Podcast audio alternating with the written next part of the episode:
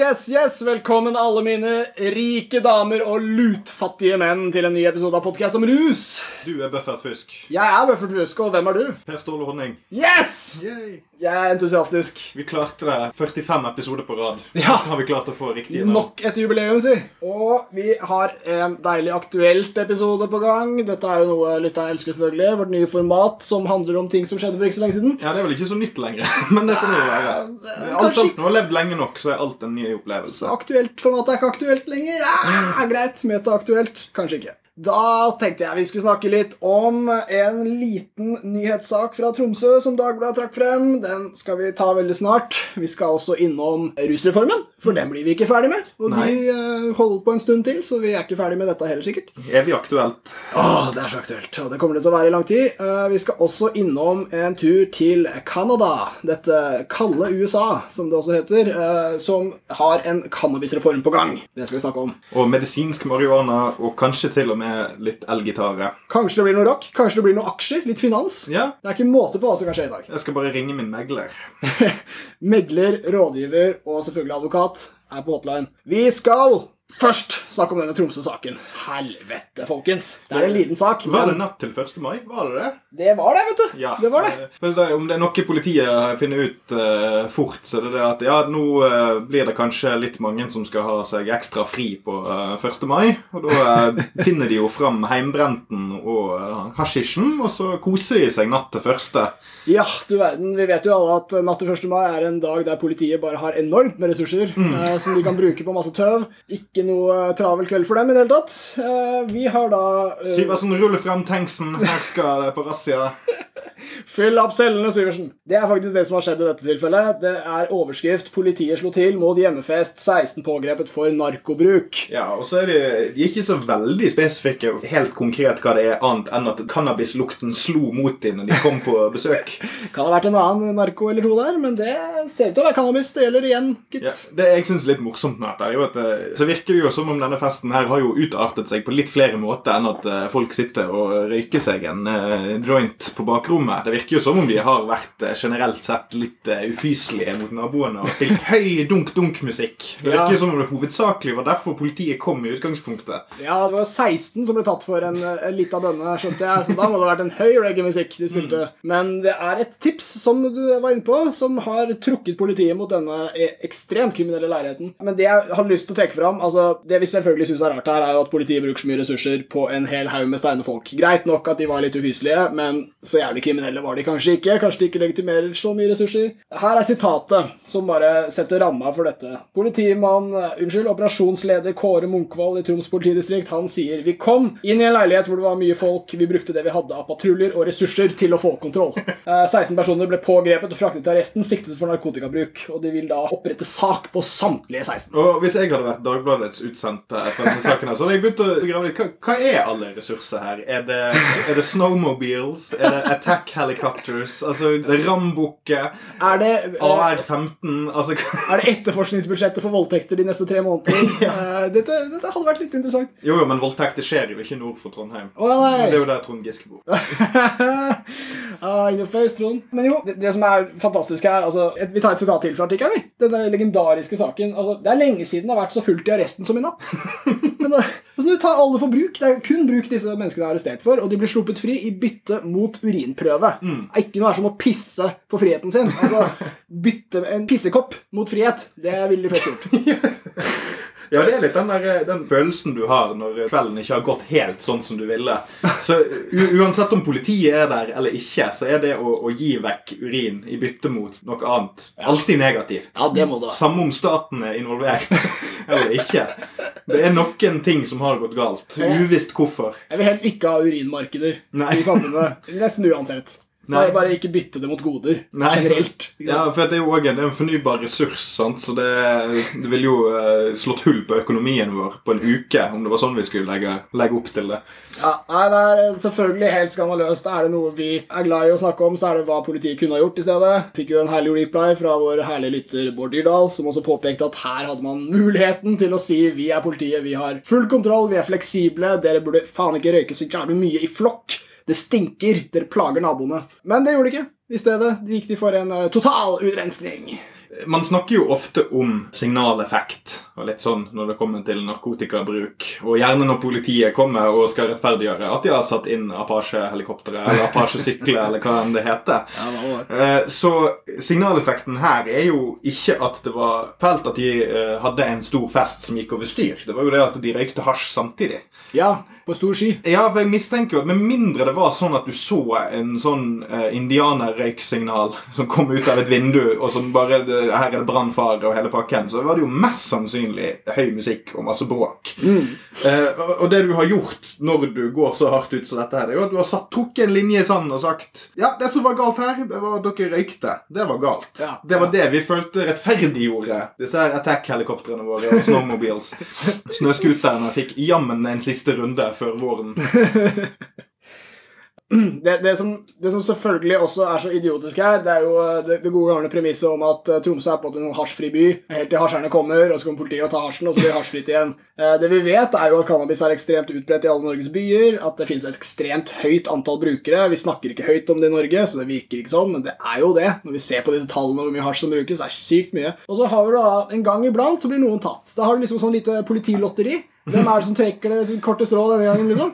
Og da får de framtida si ødelagt. Og det er mulig vi overdriver når vi sier det, men det er en betydelig greie å få et jævla rulleblad. Det er det. Og prosentvis, de som røyker hasj i året som blir tatt, jeg lover deg den er sjukt lav hvis vi hadde klart å måle den. Så, så dette er komplett tøv. Det, ideen om at det har en preventiv effekt, at politiet må gjøre det, for da, da skremmer vi fremtidige brukere fra å gjøre det og sånn, den, den er ikke der. Det fins ikke. Nei, og så kan vi gå litt over på den andre siden før vi bare ikke skal bruke mer tid på dette her. Så Ja. dette er bare en kort liten sak, men så er det jo det at, at folk burde kanskje tenke seg om to ganger når eh, de er på en fest med jævlig mange folk, og de har lyst til å nyte sitt eh, hva enn de har med i bagasjen. At Mm. kanskje den måten som eh, vi i dette programmet snakker om det på, og en del andre, denne rusliberale skravleklassen snakker om det, Mm. så kan det gi normies en følelse av at ja, men dette er jo nesten legalisert allerede. Ja. sant? Altså, at, at folk begynner å senke skuldrene litt og ta eh, risker Ja. som er unødvendige. For folk kommer til å ruse seg uansett, men måten de ruser seg på, og hvor trygt de gjør det, og i hvilke rammer de gjør det, det vil alltid være påvirket av hvordan vi snakker om det, og rundt det. Ja. Så eh, oppfordringen min er jo bare, hvis du har lyst til å unngå noe på rullebladet, kanskje ikke, ikke dra på fest der du ikke kjenner så mange, og gå helt bananas. Ja. Og hvis du tror det har blitt mer lovlig med rus, så anbefaler jeg dere å ta en liten titt på ruspolitikken slik den faktisk er, for det har ikke skjedd en dritt.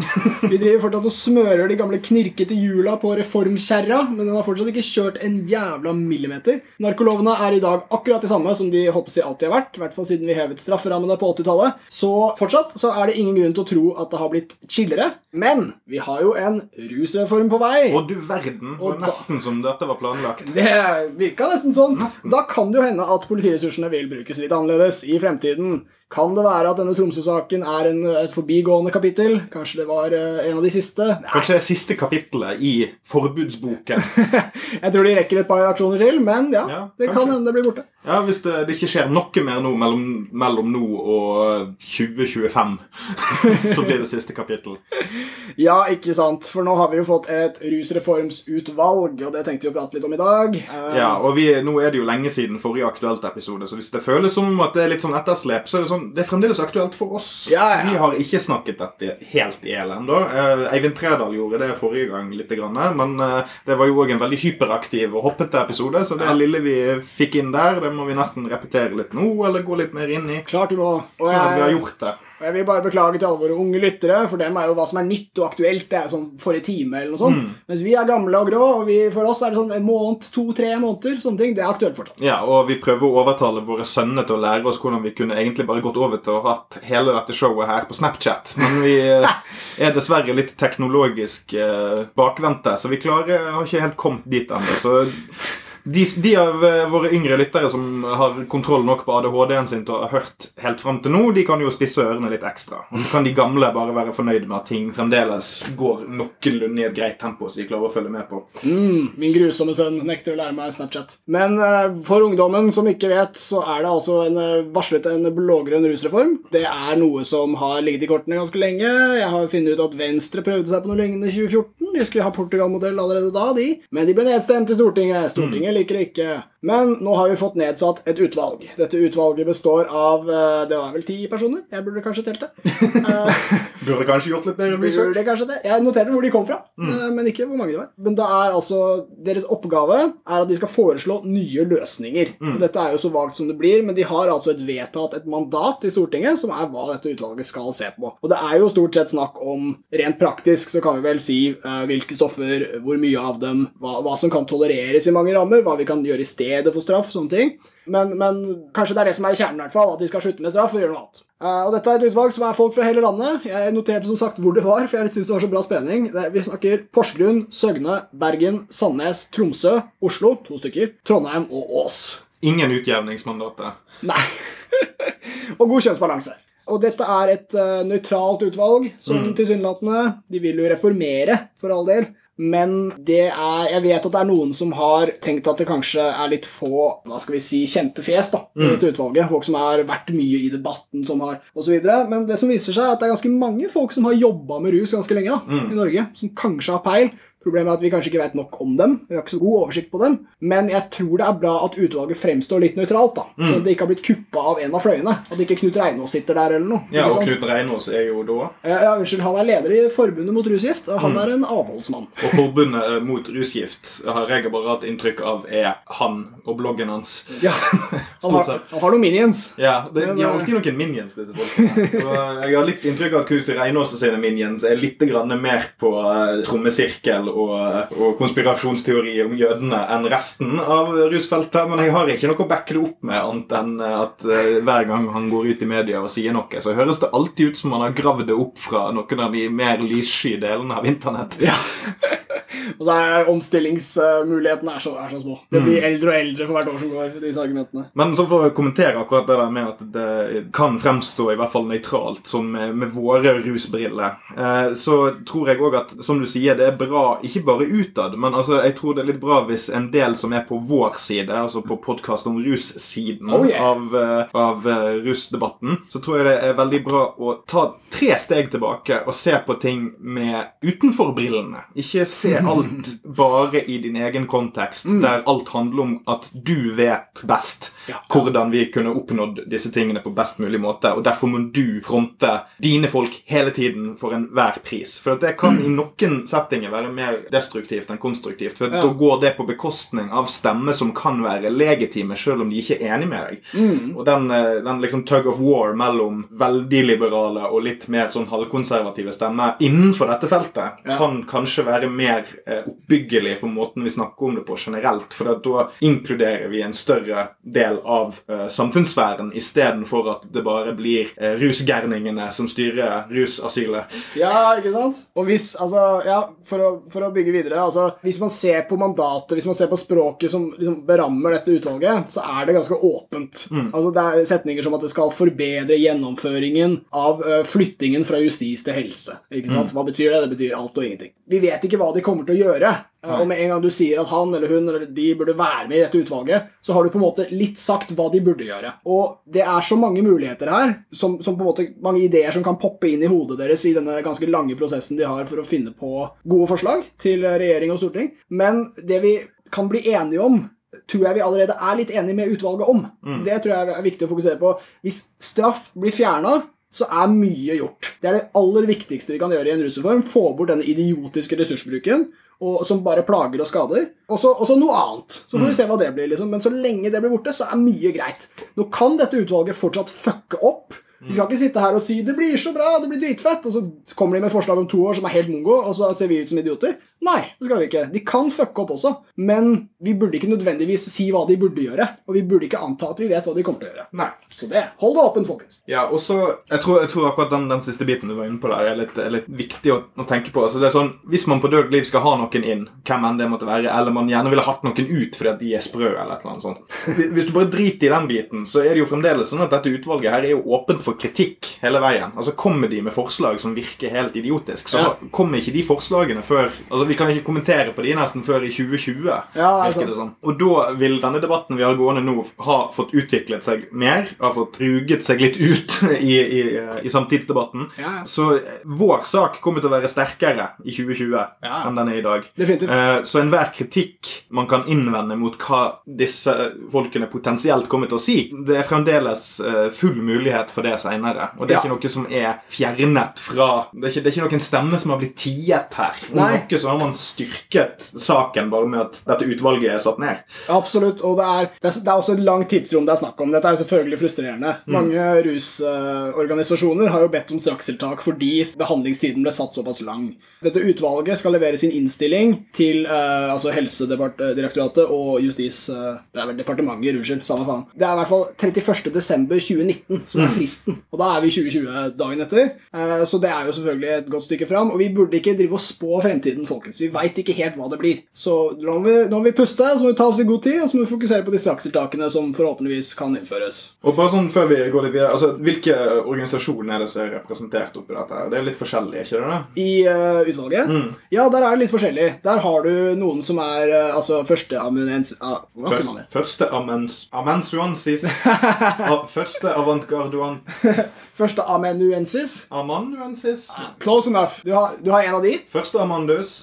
Første Amandus er med, og så har vi professor. Også fra, fra altså Universitetet i Bergen, tror jeg det var. Vi har en RIO-representant. Vi har en fra Marborg, som er en annen jeg tror det er brukerorganisasjon, i Tromsø. Også en litt eldre, litt mindre kjent rusorganisasjon.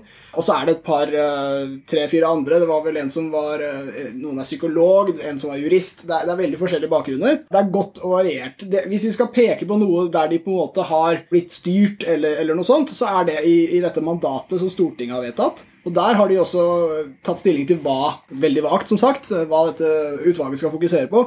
De vil da ikke få mulighet til å kommentere hvorvidt rusmidler bør selges regulert i Norge. Og det er litt sånn trist. Der går tydeligvis smertegrensen da, for regjeringen øh, og Stortinget. for all del. Én ting er om øh, man burde slutte å straffe brukere, slutte å jage folk, feil ressursbruk osv., men de skal ikke ta stilling til om weed burde være på polet. da, si det sånn. Og det er jævlig synd, fordi tar vi ikke kontroll på dette markedet, så vil mange av problemene vedvare. Dette vet vi jævlig godt. Samtidig ser det ut til at uh, politiske prosesser bare ikke kanskje bør gå så fort. Det er helt jævlig å innrømme, uh, men sosialreform bør tydeligvis være litt seig og ta litt tid. Så uh, vi får bare deale med det. Det er altså ikke noe legalisering sånn i første omgang, altså regulert salg. No fucking way. Men da tar vi det etter hvert. Jeg tror alle veit hvilken vei vi går her. Og dette mandatet igjen, altså, sant? Altså, det kan jo virke litt uh, rart at det skal gå fra justis til helse, men vi de kan ikke ta stilling til om det, altså, det skal være, ikke være justis sin oppgave. Det kan de ikke ta stilling til. Nei, Så det, så det høres litt rart ut, men jeg regner med at det er fordi at de tingene der er for eh, heavy til å, at, at Stortinget og regjeringen egentlig har lyst til å gi fra seg den definisjonsmakten. Altså Med en gang du begynner å gi over til en gjeng med privatpersoner eh, makten til å si noe om legaliteten, Mm. og ikke, ikke rent praktisk hvordan man skal få det til, så blir ting litt mer sketchy. eh, Ja, fra sin side. Så jeg tror det er et kontrollaspekt her òg. At, at politikerne ikke har lyst til å eh, slippe eh, rusmonsteret helt ut av eh, Pandoras eske her. Ja, jeg tror du er inne på noe. Jeg tror, jeg tror det Eller er Schrødingers katt. Schrødingers eh, Schrødingers katt med hår. rusreform. Eh, men jeg tror det er på noe her. Altså, det du kan se på det sånn, er at vi har hatt én aktør på rusfeltet. Det har vært justissektoren. Snuten. Eh, nå har vi en ny aktør. Helsefeltet. Og det er ikke snuten, det er sykepleierne. Eh, men det som er den tredje, holdt på å si, det er jo eh, handelsfolk, økonomer og den slags, som vi hadde som handelsvare. Og da begynner det å bli jævlig Skummelt. ja, de er en litt skummel gjeng, og når de tar tak i ting, så går ting fort. Og det blir da en slags tredje gjeng. Så det, det du kan se det som, er at de vil flytte fra én til to, og så kanskje flytte over, da, sånn det blir én igjen, men ikke tre Nei. av gangen. Please. Ikke, Nei. ikke spenn nå. Ikke clusterfuck. Nei. Og her kommer en grom Segway igjen. eh, Fordi vi har jo nemlig fått weed-aksjer på børsen i eh, Norge også.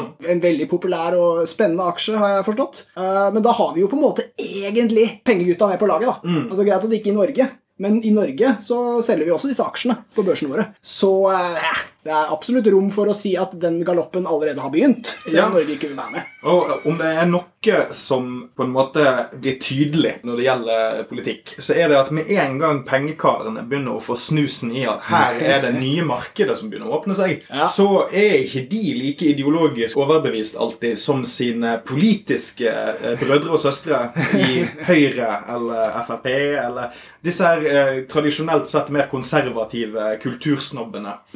Kultursnobbene veldig imot narkotika og sånn. Rike folk kan være litt mot narkotika sånn for alle andre enn seg sjøl. Ja, For de vil gjerne ha en stor haug med kokain foran seg og gjerne sniffe det av uh, noen yppige bryster. uh, og overgangen vår her kommer jo litt uh, nå, nå snakker jeg om litt sånn kanskje litt sånn rockete ting.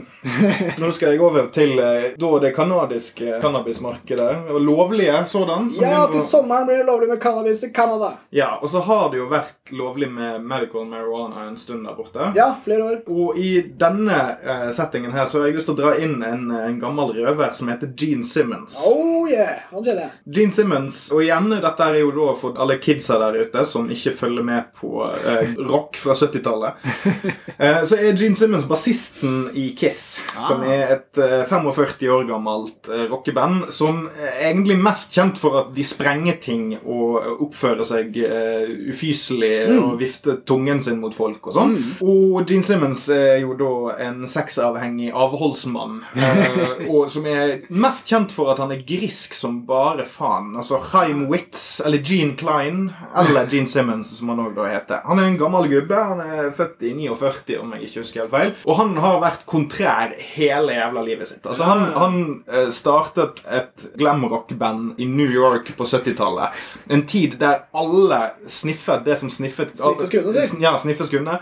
Eh, og man røykte det som røykes kunne, og hele pakken. Eh, han tok komplett avstand fra hele dette balletten der, bortsett fra på sexfronten. Dette er en fyr som har skrytt veldig av sine seksuelle erobringer opp gjennom tidene, men han tar komplett avstand fra røyking, drikking og rusbruk generelt. Er sikkert villig til å ligge med litt rusa folk. Ja, det, det er han, men uh, mest sannsynlig kanskje ikke. Uh, siden han Ja. også, det, det kan jeg rett og slett ikke spekulere om. Nei, nei, jeg men, den uansett ikke. Men han har vært veldig uttalt mot tidligere bandmedlemmer fordi at de har eh, tatt for mye av ymse ting, og Ja. de er narkomane, og de er ødelagte mennesker. Og han har, han har, hvis du søker opp eh, sitatet fra Gene Simmons på nettet, så vil du stort sett bare finne negative, negativ omtale av både rusmidler og personene som bruker de. Men så har jo gode, gamle onkel Gene fått, fått noe opp i nesen som ikke er rusmidler, men det er vel lukten av penger. Og det det som har skjedd nå, er at det er et selskap i Canada som heter Invictus MD. Og de gikk vel public for en liten stund siden på uh, Toronto Stock Exchange. Og i den anledning så eh, rullet de fram sin Chief Evangelical Officer, Gene Simmons, avholdsmannen. Yes. Som da går og sier at nei, han, han, han har tatt helt feil av cannabis. Hele livet. Det, det er han helt ærlig på å si at nei, han, altså cannabis Du kan bruke det medisinsk, og du kan bruke det rekreasjonelt. Og han, han skal ikke dømme deg for det. Nei, nei, det er ikke sånn han har slått seg på pipa eller noe. Nei, nei, nei, nei, han, nei, det er ikke for han, men det er greit hvis det er noe for deg. Toleranse. Ja, og dette her har han gått ut Han har sett feilen ved sin egen oppførsel, og det eneste som skulle til for å få han til å gjøre det, det var bare sunn fornuft og ti millioner dollars i aksjer i Invictus MD. Og Vanskelig var det ikke. ja, og for den jevne lytter har jo kanskje plukket opp at jeg har jo litt rockete tendenser. Jeg ikke, hvis Buffer dør i morgen, så kunne jeg omdøpt denne podkasten til podkast om rock. Og så kunne jeg bare dundre på helt på egen hånd og plagd vettet av dere med, med 70-tallsanekdoter.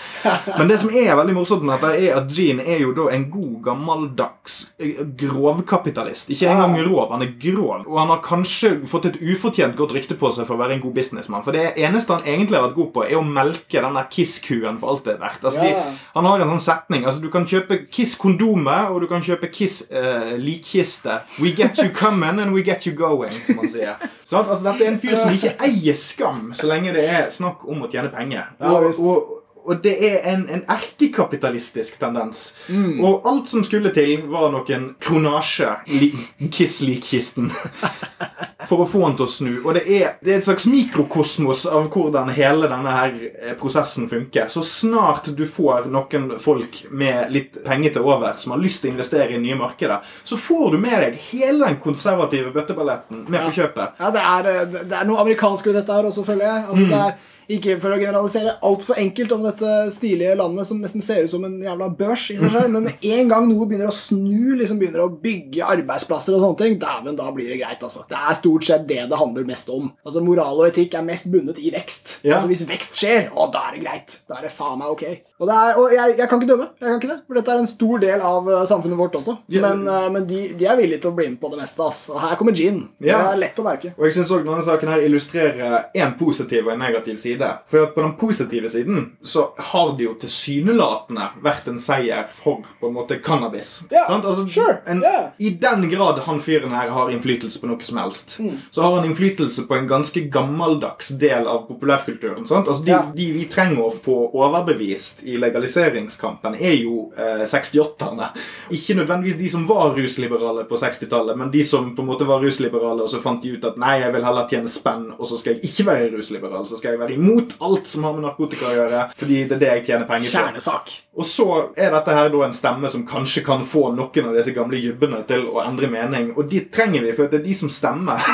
Ja, det er gjerne mange av dem, og de stemmer som faen. Og veldig mange av dem har jo, bærer jo bare godargumentet det, er- det er jo forbudt. Sant? Eller det er en grunn til at det er forbudt, og så sier de ikke hvilken grunn. Eh, og sånne ting, og, og da står det veldig stille. Da kommer, de, da kommer de til å stemme nei for til legalisering. Helt til noe skjer, som Gene Simmons, kanskje. Og igjen, det negative er jo det at, som vi òg var inne på litt nå i rusreformbiten i overgangen vår, og vi må jo bare si at vi har fått stor utnyttelse av at vi allokerte midlene fra promoteringsavdelingen vår til Segway-avdelingen vår, Å, så vi har fint. knyttet denne episoden så fint og føyelig sammen. Kommunikasjonsrådgiverne våre. Ja, takk til deg, Syversen. Eh, Du har sparken. Men det, det som er creepy med det, er det at når pengemakten kommer inn i det, og det er penger å tjene, så Ja. forsvinner prinsippene, og da forsvinner de etiske eh, rammene som er Mm. viktig å holde Det er viktig å holde den etiske tungen rett i munnen her. For dette kan fort bli en ganske grov kannibalsk kannibalisering av hele cannabiskulturen. Og det holder vi på å gjøre i USA nå. Der du kan få CBD i smoothien din på den veganske burgerbaren. Altså det, er, det begynner å poppe opp stedet uten Når man fjerner reguleringene på de måtene man gjør, men plutselig noe lov, så tar det en stund å liksom finne hva er det det passer til. Og de som har penger, vil pushe på at du skal tjene mest mulig penger, og det går ikke alltid helt overens med eh, det etiske. Og Derfor syns jeg faktisk det er bra at, for å trekke det tilbake til rusreformgruppen, at, at vi faktisk ikke har latt her i Norge eh, latt pengene styre det så veldig mye. Det økonomiske argumentet handler alltid om hva som er best for samfunnet. Det er ikke hva som er best for en bottom line for et eller annet selskap. Mm, det er Det er, det, hva er det samfunnet kan spare? Og det vi sparer i middelet på politiressurser, f.eks., det er egentlig bare en metafor for menneskelig lidelse. Altså Ja. Det vi sparer, er at vi ikke bruker så mye penger på å plage folk. Ja, ja, det Det er veldig vi. fint. Ja, godt sagt. Så eh, vi kan jo runde av der. Ja, det synes jeg kan gjøre. Har jeg fått sagt det jeg vil om Gene Simmons. Knallbra. Og så sa du kannibalisering av cannabis. Fy faen, det er tongue twister, altså. Veldig bra. Men jeg tenkte jo også på altså, nå, nå vil jeg også nevne at weed har gått en lang vei. Eh, det har diskutert, eh, Legaliseringen av weed har diskutert i mer enn de 60 årene hvor det har vært forbudt. Og det, det ser, man ser jo nesten for seg at Gene Simmons kunne vært for heroin hvis det var nok folk som kjøpte det òg. og at USA på en måte er så umoralsk at ja, det hadde vi køla på med. Gjør det til saksvare. Dra fram argumentene fra 1900-tallet på ny. Men jeg, jeg tror det også er en viktig del av dette her at cannabis tross alt har en del å by på. Altså, det, det kan bli en markedsvare på mange arenaer. Det har medisinsk applikasjon, det er, kan konkurrere med alkohol osv. Så, videre. Så bare for å gi det til Gene, da. Jeg veit det er spennende han bryr seg mest om, men jeg liker å høre at han sa jeg tok feil om weed. Det er jo også en del av salgsstrategien, for all del, men det går an å ta feil om weed, for å si det sånn. For weed var ikke så ille som mange trodde det var. Så vær så god, Gene. Bare hyggelig. Ja, Da er det på tide med en avrusning, ikke det? Avrusning!